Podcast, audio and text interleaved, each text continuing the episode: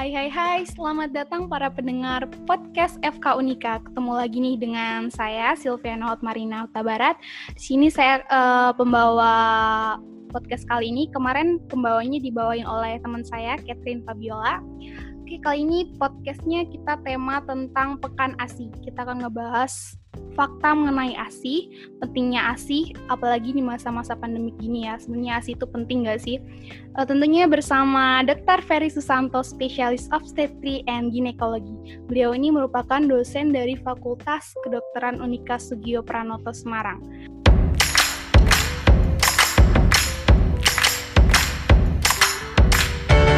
Oke, halo dok, selamat bergabung dok. Ya, selamat siang, Silvi. Uh, Oke okay, dok, kita mau bincang-bincang nih dok mengenai tentang fakta ASI nih dok di masa pandemik ini. Uh, di masa pandemik ini kan virus ya dok ya. Sebenarnya COVID-19 ini dapat menular melalui ASI nggak sih dok? Iya.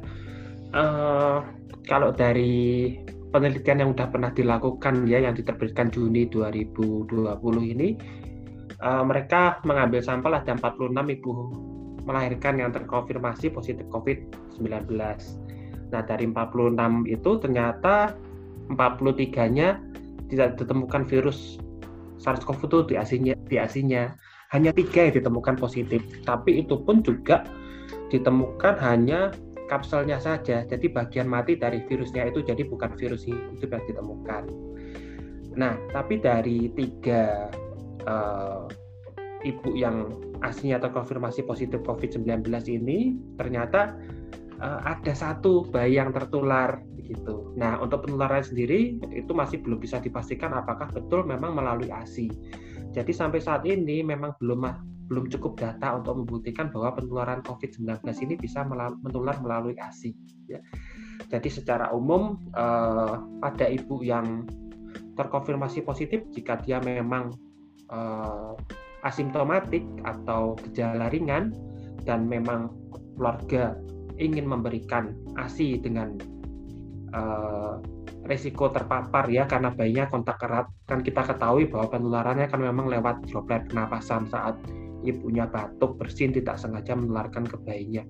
Jadi jika memang keluarga tetap menghendaki untuk ingin menyusui itu, itu masih diperbolehkan dengan syarat menerapkan uh, protokol kesehatan yaitu dengan memakai APD, memakai masker yang baik yang menutupi hidung, menutupi mulut sampai ke dagu dan selalu uh, cuci tangan pakai sabun sebelum uh, menyusui maupun setelah menyusui.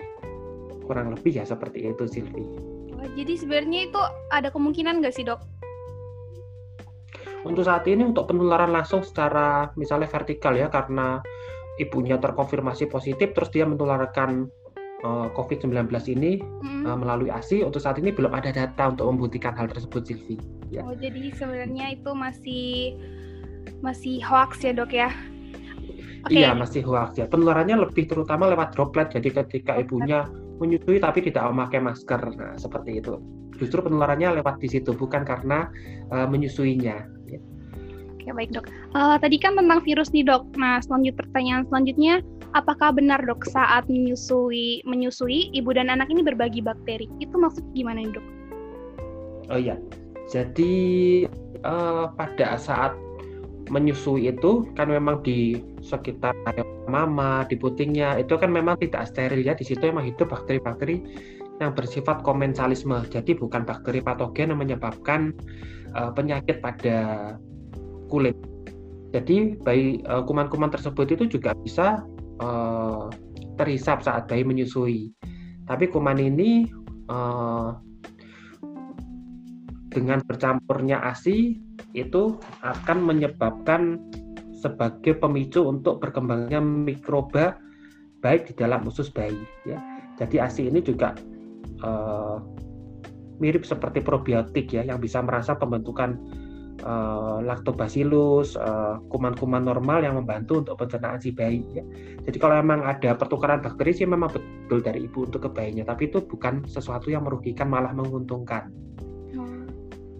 Berarti nggak uh, apa-apa ya dok ya? Berarti nggak ada, uh, berarti itu hanya mitos juga. Oke, pertanyaan selanjutnya. Iya, jadi bukan dok. bakteri patogen, bukan bakteri yang menyebabkan penyakit yang ditularkan dari ibu ke bayinya bukan ya. Ya tapi tetap ibunya juga harus tetap memperhatikan kebersihan putingnya ya. Karena kuman-kuman seperti streptococcus dan staphylococcus yang hidup di kulit ibu itu merupakan bakteri komensal yang bukan merupakan bakteri parasit yang merugikan ibunya. Ya. Jadi dia memang numpang hidup di sana tapi tidak memiliki efek yang merugikan. Oke, jadi tergantung ibunya juga ya. Berarti ibunya harus menjaga. Oh, tapi tetap harus juga, dijaga kebersihan sekitar puting dan areola ya. Oke, baik dok. Pertanyaan selanjutnya nih dok. Um, bedanya mengenai susu sapi sama ASI itu apa sih dok? Sebenarnya lebih baik yang mana? Sama lebih penting iya. yang mana? Uh, kalau saya kira kok jelas ya, uh, semua sepakat sih kalau masalah ini bahwa ASI pasti lebih baik sih daripada susu sapi. Memang ada banyak perbedaan uh, mengapa ASI lebih baik daripada susu sapi. Tapi terutama yang mencolok itu yaitu ASI itu memang mengandung antibodi antibodi yang bisa uh, diberikan ke bayinya. Jadi kalau bayi yang memang diberikan ASI eksklusif dia cenderung daya tahan tubuhnya akan lebih kuat ya. Terus yang berikutnya adalah komposisi ASI ini juga memang sesuai dengan kemampuan pencernaan si bayi. Jadi si bayi ini kalau mengkonsumsi ASI relatif dia uh, dapat mengurangi risiko gangguan pencernaan. Misalnya sembelit begitu. Beda dengan susu formula kalau diberikan cenderung uh, lebih mudah mengalami gangguan sembelit atau intoleransi laktosa dan lain-lain seperti itu. Uh, terus dok, uh, misalnya nih uh, ibu itu nggak bisa memberikan asi kepada buah hatinya. Terus terus ada ibu nih yang pakai susu sapi, susu sapi nih dok. Terus efek kalau pakai susu sapi itu apa dok? kepada sang buah hati ini dok? Kalau pada susu sapi relatif kita tidak bisa uh, mengontrol komposisinya. Beda dengan ASI yang memang ketika bayi itu butuh nutrisi, butuh protein lebih banyak dari ASI akan menyediakan eh, protein seperti itu. Nah, ketika susu sapi dia berbeda. Jadi pada beberapa penelitian menunjukkan bahwa pemberian uh, susu formula cenderung menyebabkan bayinya lebih gemuk atau mengalami obesitas, terus sering mengalami gangguan saluran cerna seperti itu. Jadi nanti memang kalau pada ibu-ibu yang memang ternyata asinya tidak keluar dengan udah dengan segala macam cara kok tetap nggak bisa keluar ya susu formula memang jadi pilihan terakhir. Kalau masih bisa memberikan ASI dengan melalui donor saudara yang kebetulan memiliki bayi juga yang usianya sama dan bisa mendonorkan ASI jauh lebih baik. Tapi jika tidak memungkinkan pilihan terakhir adalah susu formula ya baik dok. Jadi uh, sebenarnya tuh ASI itu lebih diutamakan ya dok ya kalau bisa pakai ASI ya dok. Uh, tetap the best ASInya karena dia memang ya uh, komposisinya paling baik dan dia memang murah ya tidak harus membeli seperti itu. Jadi lebih cocok memang uh, diberikan pada semua kalangan baik pada masyarakat mau di desa mau di kota ya memang yang paling baik adalah ASI. Oke dok, pertanyaan selanjutnya nih dok. Uh, ini uh, apakah jika ASI pada ibu itu tidak dikeluarkan atau tidak digunakan itu dapat menyebabkan kanker? Itu benar nggak sih dok? Uh, iya, pada pada beberapa penelitian memang menunjukkan bahwa ibu menyusui itu relatif men, uh, lebih tinggi terjadi risiko terjadinya kanker payudara maupun kanker ovarium pada bila dibandingkan pada ibu yang menyusui beberapa penjelasan yang mungkin adalah bahwa ketika ibu menyusui itu uh, siklus haidnya akan lebih lambat kembali ya. Jadi makanya kenapa ibu menyusui itu uh, kok sering nggak dapat haid. Nah itu memang sesuatu yang wajar karena uh, siklus hormonalnya belum kembali seperti semula. Nah ketika dia siklus hormonnya belum kembali seperti semula maka kadar estrogennya pun juga akan lebih rendah. Jadi dia uh, risiko untuk terekspos estrogen lebih lama itu pada ibu yang menyusui dia akan lebih sedikit ya. Jadi pada ibu menyusui itu kadar prolaktin lebih tinggi, lah itu akan menekan uh, pusat hormon di otak yaitu hipotalamus sehingga dia tidak menghasilkan uh, hormon untuk merangsang hipofisis untuk menghasilkan FSH. Jadi kalau FSH-nya tidak ada, ovarium tidak, menghasilkan estrogen, ya jadinya paparan estrogen terhadap payudara, terhadap uh, organ-organ reproduksi wanita dia relatif lebih singkat jadinya risiko untuk menjadi kanker payudara ataupun kanker ovarium uh, lebih sedikit dibandingkan uh, pada ibu yang menyusui lebih sedikit ya dibandingkan pada ibu yang tidak menyusui. Ya. Oh, jadi sebenarnya itu benar ya dok ya bahwa kalau misalnya iya. si yang tidak dikeluarkan itu dapat menyebabkan kanker. Oh, mungkin lebih tepatnya bukan gini. Jadi bukan hmm. bukan kalau ASI misalnya oh ini produksi ASI yang hmm. banyak tapi ini nggak tidak dikeluarkan terus menjadi mendapatkan kanker payudara bukan bukan seperti itu mekanismenya. Jadi pada ibu yang uh, misalnya habis melahirkan kok ASInya nggak keluar tapi payudaranya bengkak itu paling hmm. menimbulkan uh, komplikasi yaitu misalnya mastitis atau peradangan pada payudara. Jadi payudaranya bengkak, nyeri. Terus kalau uh, lama kelamaan tetap tidak bisa keluar asinya, dia mungkin akan mengalami infeksi sehingga terbentuk nanah, terbentuk luka dan lain-lain seperti itu. Jadi bukan nanti kalau uh, tidak menyusui langsung menjadi kanker itu bukan ya. Oh. bukan seperti itu. Jadi itu perlu mekanisme yang uh, kompleks ya, tidak sesederhana itu untuk seorang wanita karena tidak menyusui terus menjadi kanker payudara atau menjadi kanker ovarium enggak enggak seperti itu. Dia tetap memiliki faktor-faktor yang lain yaitu misalnya genetik, faktor terekspos dari lingkungan, gaya hidup, perilaku uh, makanannya dan lain-lain itu juga menyumbang untuk uh, peningkatan terjadinya risiko kanker itu ya. Oke, jadi intinya adalah gaya hidup lagi ya, Dok ya gaya iya. hidup sang ibu tersebut. Oke, pertanyaan selanjutnya nih. Apakah aman nih dok jika ibu menyusui itu mengonsumsi obat-obat seperti vitamin di masa pandemik itu berpengaruh nggak sih dok? Iya, uh, sebenarnya tidak di masa pandemi pun sebenarnya ketika ibu menyusui emang disarankan untuk mengkonsumsi vitamin ya. Selain untuk meningkatkan daya tahan tubuh ibu itu juga uh, menunjang untuk uh, perbaikan dari kualitas asinya itu sendiri ya. Jadi tidak ada uh, perubahan sebenarnya di masa pandemi maupun tidak di masa pandemi. Memang tetap disarankan untuk konsumsi vitamin ya. Jadi Bu menyusui sebaiknya tidak membatasi makanan, memilih makanan yang bergizi, yang banyak tinggi protein ya. Uh, termasuk juga mengkonsumsi banyak buah dan minum air putih ya untuk meningkatkan kualitas ASI karena kalau makanan dikonsumsi juga uh, kualitasnya rendah, ASI yang diproduksi pun atau yang dihasilkan pun juga kualitasnya akan rendah. Seperti itu sih. Baik dok, uh, kalau misalnya orang hamil kan, kalau ngerokok kan nggak boleh nih dok. Terus kalau orang menyusui itu sebenarnya ngerokok boleh juga nggak sih dok? Uh, iya.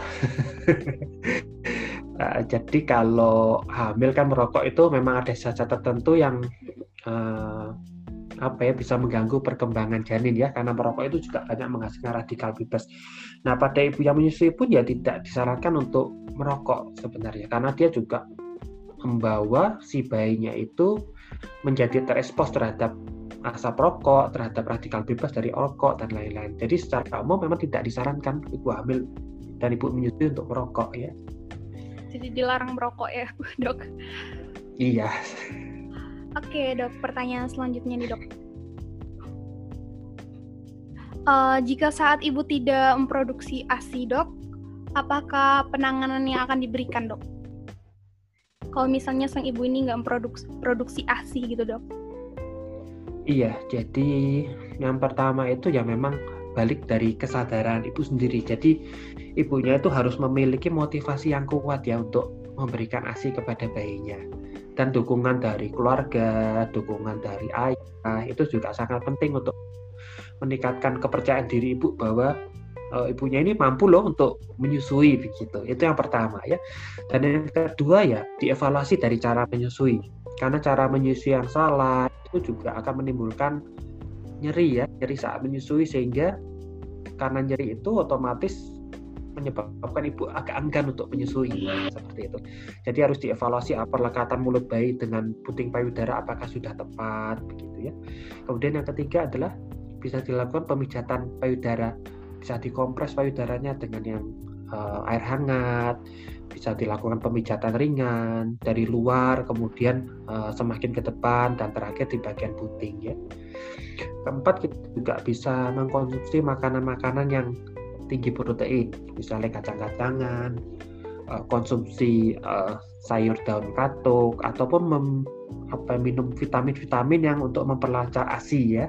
Uh, kurang lebih vitamin itu memang isinya daun katuk itu juga memang terbukti dapat meningkatkan produksi ASI. Dan yang terakhir ya kalau memang tetap tidak bisa keluar tidak ada salahnya berkonsultasi kepada dokter ya di klinik terdekat ya untuk atau di klinik laktasi ada beberapa obat-obatan yang dapat diberikan untuk merangsang untuk produksi uh, aksi tersebut.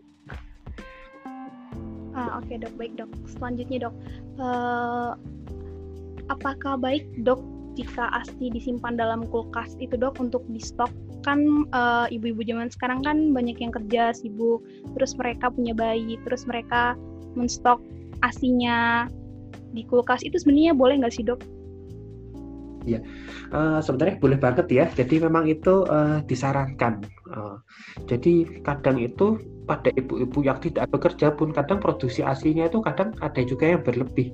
Jadi bayinya udah bosan-bosan udah nggak kuat lagi ngisep gitu ya udah tidur. Eh ini rasanya kok masih keras saja payudaranya ini masih banyak. Lah itu sebaiknya harus dipompa dikeluarkan. Dan itu bisa disimpan kalau pada ibu-ibu yang bekerja ya itu sudah jadi kebiasaan ketika di kantor ada waktu luang akan memompa ASI dan disimpan ya uh, penyimpanan di lemari es memang disarankan dan sebaiknya itu bisa dibekukan kalau ASI yang dibekukan di freezer dengan pembukaan yang baik ASI itu bisa bertahan 6 bulan sampai 12 bulan ya.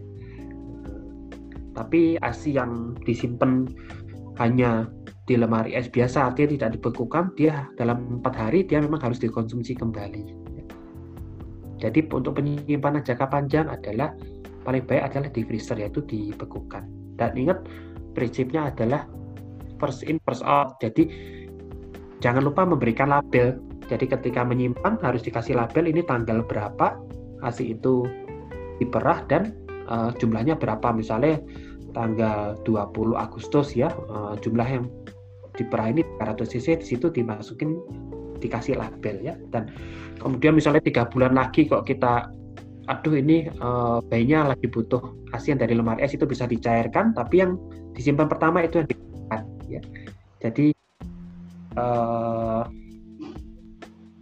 bukan nanti yang paling depan lemari es yang paling gampang diambil itu yang diambil duluan untuk uh, dicairkan bukan. Jadi uh, itu pentingnya untuk itu. Jadi harus diingat ASI yang disimpan pertama kali ketika kita memerlukan itu yang diambil duluan jadi sebenarnya kita harus kasih label juga ya dok ya biar itu tuh yang ya, lama label harus uh, karena kita kalau tidak memberikan label nanti bingung ini yang mana ya yang saya simpan duluan ini yang minggu lalu ataukah dua minggu lalu itu nggak akan bisa kita bedakan ya jadi emang harus wajib label Baik dok, uh, selanjutnya nih dok, uh, ini pertanyaannya mungkin uh, mengenai saran ya dok ya. Uh, gimana sih dok cara penyimpanan ASI yang baik dan yang tepat dok? Hmm. Jadi untuk penyim uh, mulai dari pengambilan asinya sendiri untuk asi perah harus dipastikan bahwa alat pompa yang, di, yang digunakan memang uh, bersih ya seperti itu dan payudara juga dibersihkan dulu sebelum melakukan pemompaan.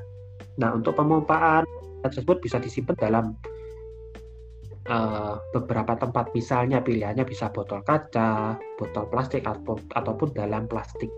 Itu masing-masing sih punya kelebihan dan kekurangannya masing-masing. Kalau botol kaca ya kelebihannya mungkin hemat. Terus dia bisa dipakai jangka panjang ya. Jadi kalau nanti misalnya ini kebetulan anak pertama nanti hamil anak kedua, anak ketiga botol kacanya itu masih tetap utuh, itu masih bisa digunakan pada anak-anak berikutnya.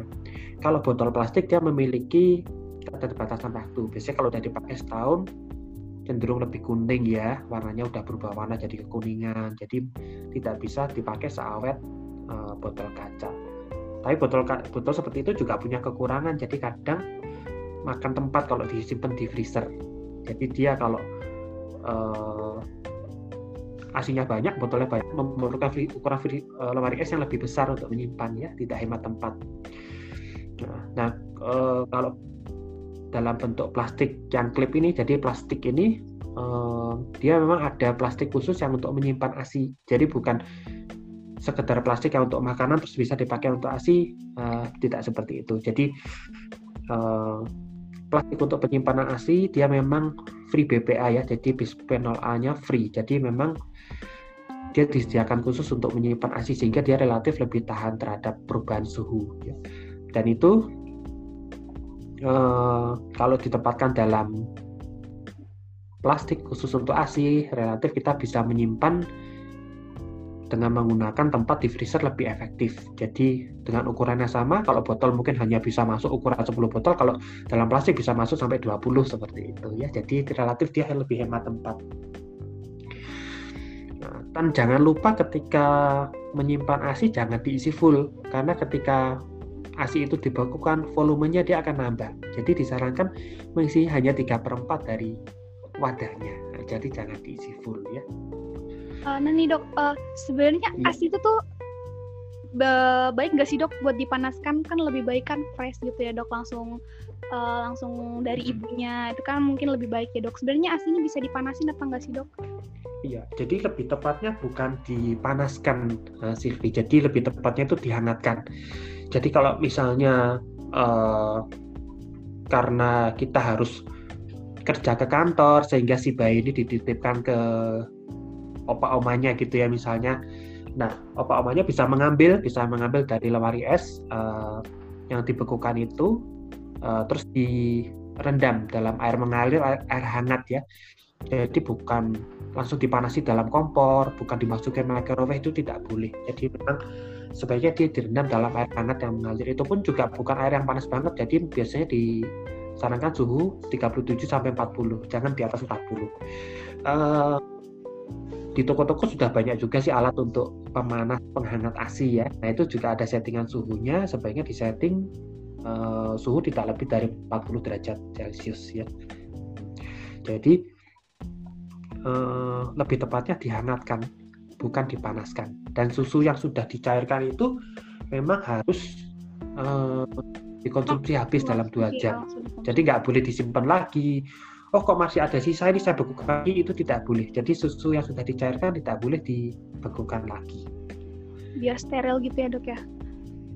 Iya karena nanti itu terkandung uh, komponen nutrisinya dia sudah berubah dia kalau kita harus bekukan lagi ya. Jadinya dan aspek kebersihannya juga mungkin akan lebih kurang. Oke dok. Uh, selanjutnya nih dok Bagaimana uh, bagaimana tumbuh kembang anak nih dok apabila kurang mendapat asupan ASI sampai waktu tertentu uh, minimal kan enam bulan ya dok terus maksimal itu hmm. dua hmm. tahun itu gimana dok? Hmm. Iya jadi sebenarnya ASI ini memang uh, makanan yang paling baik untuk bayi yang bisa menunjang tumbuh kembangnya dengan baik ya. Nah, tapi di samping itu juga ada faktor-faktor lain yang mempengaruhi tumbuh kembang, misalnya uh, kasih sayang dari orang tuanya, terus rangsangan, stimulasi, mengajak bercanda, uh, melatih motorik dari uh, si bayi ya seperti itu. Jadi memang uh, banyak faktor ya yang berperan dalam suksesnya tumbuh kembang si anak ya. Dan faktor lain adalah uh, kepedulian orang tua. Jadi kepedulian orang tua untuk uh, memahami tumbuh kembang anaknya. Jadi ketika misalnya dicurigai uh, adanya gangguan tumbuh kembang misalnya 6 bulan yang harusnya sudah bisa duduk ini kok masih belum bisa, masih cuma bisanya mengangkat kepala. Nah, ini tentu uh, orang tua harus menyadari jangan dibiarkan. Jadi Eh, mereka harus memeriksakan anaknya di fasilitas kesehatan terdekat seperti itu. Jadi ke, kebanyakan selama ini terlambat. Jadi mungkin sudah terlambatnya lama, baru orang tua menyadarinya. Ini kok banyak ya ketertinggalannya dibandingkan anak tetangga atau anak saudara yang lain. Nah itu baru mereka mencari pertolongan nah, itu karena terlambatnya terlalu lama itu yang kurang baik. Jadi orang tua harus aware, harus memiliki perhatian ekstra untuk tahu. Jadi nggak boleh cuek. Jadi kalau zaman sekarang kan sudah banyak bisa dicari di Google di internet untuk tahap-tahapan perkembangan anak ya. Nah, beda dengan dulu yang memang akses informasi itu sangat terbatas. Jadi orang tua yang penting untuk uh, mendeteksi sedini mungkin ya adanya gangguan tumbuh kembang pada anaknya. Ya baik, jadi uh, kita yang yang jadi jadi ibu ini harus benar-benar tahu kembang anak kembang anaknya gitu ya dok ya karena betul ini berpengaruh banget sama tumbuh kembangnya juga berarti mm-hmm. uh, satu lagi nih dok pertanyaannya berarti yeah. di sapi di sapi itu penting ya dok misalnya kalau udah dua tahun itu berarti kita harus uh, udah wajib melepas untuk nggak ASI lagi gitu ya dok ya? Hmm. Sebenarnya sih uh, ASI yang sarankan sih memang eksklusif sampai sampai enam bulan pertama ya, kemudian bisa dilakukan sampai dua tahun. Nah setelah dua tahun ini relatif uh, kandungan nutrisi dalam ASI ini sudah nggak cukup banget buat anaknya gitu ya. Jadi kalau nggak cukup ya sebenarnya uh, anak itu mandiri untuk uh, mengkonsumsi makanan yang lain dari luar ya. Misalnya dia sudah bisa makan daging karena sudah punya gigi sudah bisa mengunyah seperti itu. Jadi memang makanan lebih dominan dari luar sudah bukan mengandalkan asi lagi. Nah, jadi di atas dua tahun itu relatif pemberian asi sudah sudah tidak banyak memberikan manfaat. Makanya di saat itulah sudah waktunya untuk menyapi sebenarnya.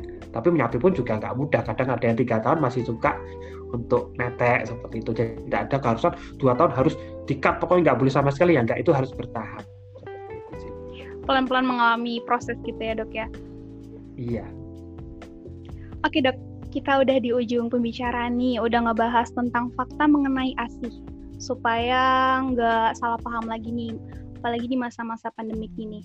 Nah, dok, mau dong dok pesannya untuk para ibu-ibu yang lagi menyusui atau nge atau yang sebentar lagi akan menyusui supaya asinya itu lancar dan juga kualitasnya itu baik bagi sang buah hati. Itu gimana, dok? Iya. Jadi ke, uh, keberhasilan menyusui itu memang harus dipersiapkan dari semenjak kehamilan ya. Jadi semenjak kehamilan memang ibunya juga sudah harus uh, rutin mengkonsumsi makanan yang baik, yang tinggi protein, ya banyak buah-buahan, minum air putih yang cukup. Terus juga uh, mengecek payu uh, payudaranya, putingnya. Kadang-kadang ada beberapa ibu yang uh, putingnya tenggelam. Nah itu uh, di toko perlengkapan bayi sekarang sudah banyak alat untuk seperti vakum yang membantu untuk supaya putingnya itu lebih menonjol. Karena puting itu juga penting karena kalau dia tenggelam bayi akan lebih susah untuk menghisap ya. Jadi kalau usah menghisap bayinya males akibatnya nanti uh, keberhasilan menyusui akan menurun ya. Nah ketika nanti uh, karena di masa pandemi seperti ini ya jangan lupa uh, selalu menjaga diri dari ekspos uh, kemungkinan terekspos dari virus corona ini. Jadi kalaupun ibu hamil sedapat mungkin ya di rumah tidak usah keluar-keluar. Kalaupun memang ada keperluan yang mendesak, silakan keluar, tapi tetap harus menggunakan alat pelindung diri yang tepat. Memakai masker, memakai masker yang betul bukan hanya ditutupin di mulut saja, tapi juga harus semua menutupi hidung, mulut, dan dagu. Ya. Kemudian bagi, bagi para suami pun juga tetap harus menggunakan uh, APD yang baik, jadi menggunakan uh, masker ya. Uh, ketika dia memang harus bekerja dan lain-lain. Karena dia harus memikirkan bahwa ketika di rumah dia akan kontak dengan anak dan calon bayi yang akan dilahirkan. Atau kalau sudah lahir ya dia akan kontak dengan ibu dan bayi. Jangan sampai yang sering keluar-keluar ini akan meningkatkan risiko yang di rumah untuk terpapar uh, virus corona ini ya.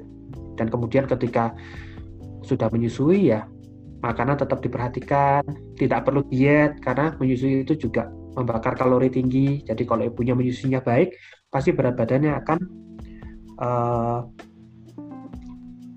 mungkin bahasanya akan langsing sendiri lah begitu tanpa harus diet-diet gitu. Jadi jangan sampai diet itu malah uh, membatasi makanan malah akan menurunkan uh, kualitas Oke, jadi buat ibu-ibu yang baru ngelahirin tuh jangan diet-diet dulu. Nanti kan proses sendiri tuh untuk penurunan berat badannya. Iya sih dok, kebanyakan juga ibu-ibu ini takut gendut ya langsung langsung iya begitu seminggu setelah melahirkan langsung diet gitu udah mikir iya. makan ini boleh nggak makan itu boleh nggak padahal untuk menunjang produksi asi yang baik ya ibunya harus tetap makan yang banyak ya yang berkualitas makanannya iya supaya produksi asinya juga lancar ya dok ya Betul. Oke dok, makasih banyak ya dokter Ferry udah mau bagi-bagi info mengenai ASI. Jadi ASI itu penting banget buat sang buah hati, bagi para ibu. Uh, lebih baik merawat diri ya dok ya untuk uh, menghasilkan kualitas ASI yang baik dan juga lancar. Supaya ya, pertumbuhan sang buah hatinya juga baik juga. Optimal ya. Betul dok. Oke dok, makasih banyak ya dok ya udah mau ngobrol-ngobrol sama Sama-sama Silvi, semoga berguna informasinya. Amin, semoga berguna bagi para ibu-ibu yang sedang menyusui dan juga yang akan menyusui. Oke, sekarang udah kelar nih bincang-bincang tentang ASih bersama Dokter Ferry. Oke, sampai ketemu lagi di podcast selanjutnya. Saya Silviana Hotmarina Hota Barat, pamir undur diri dan sampai jumpa.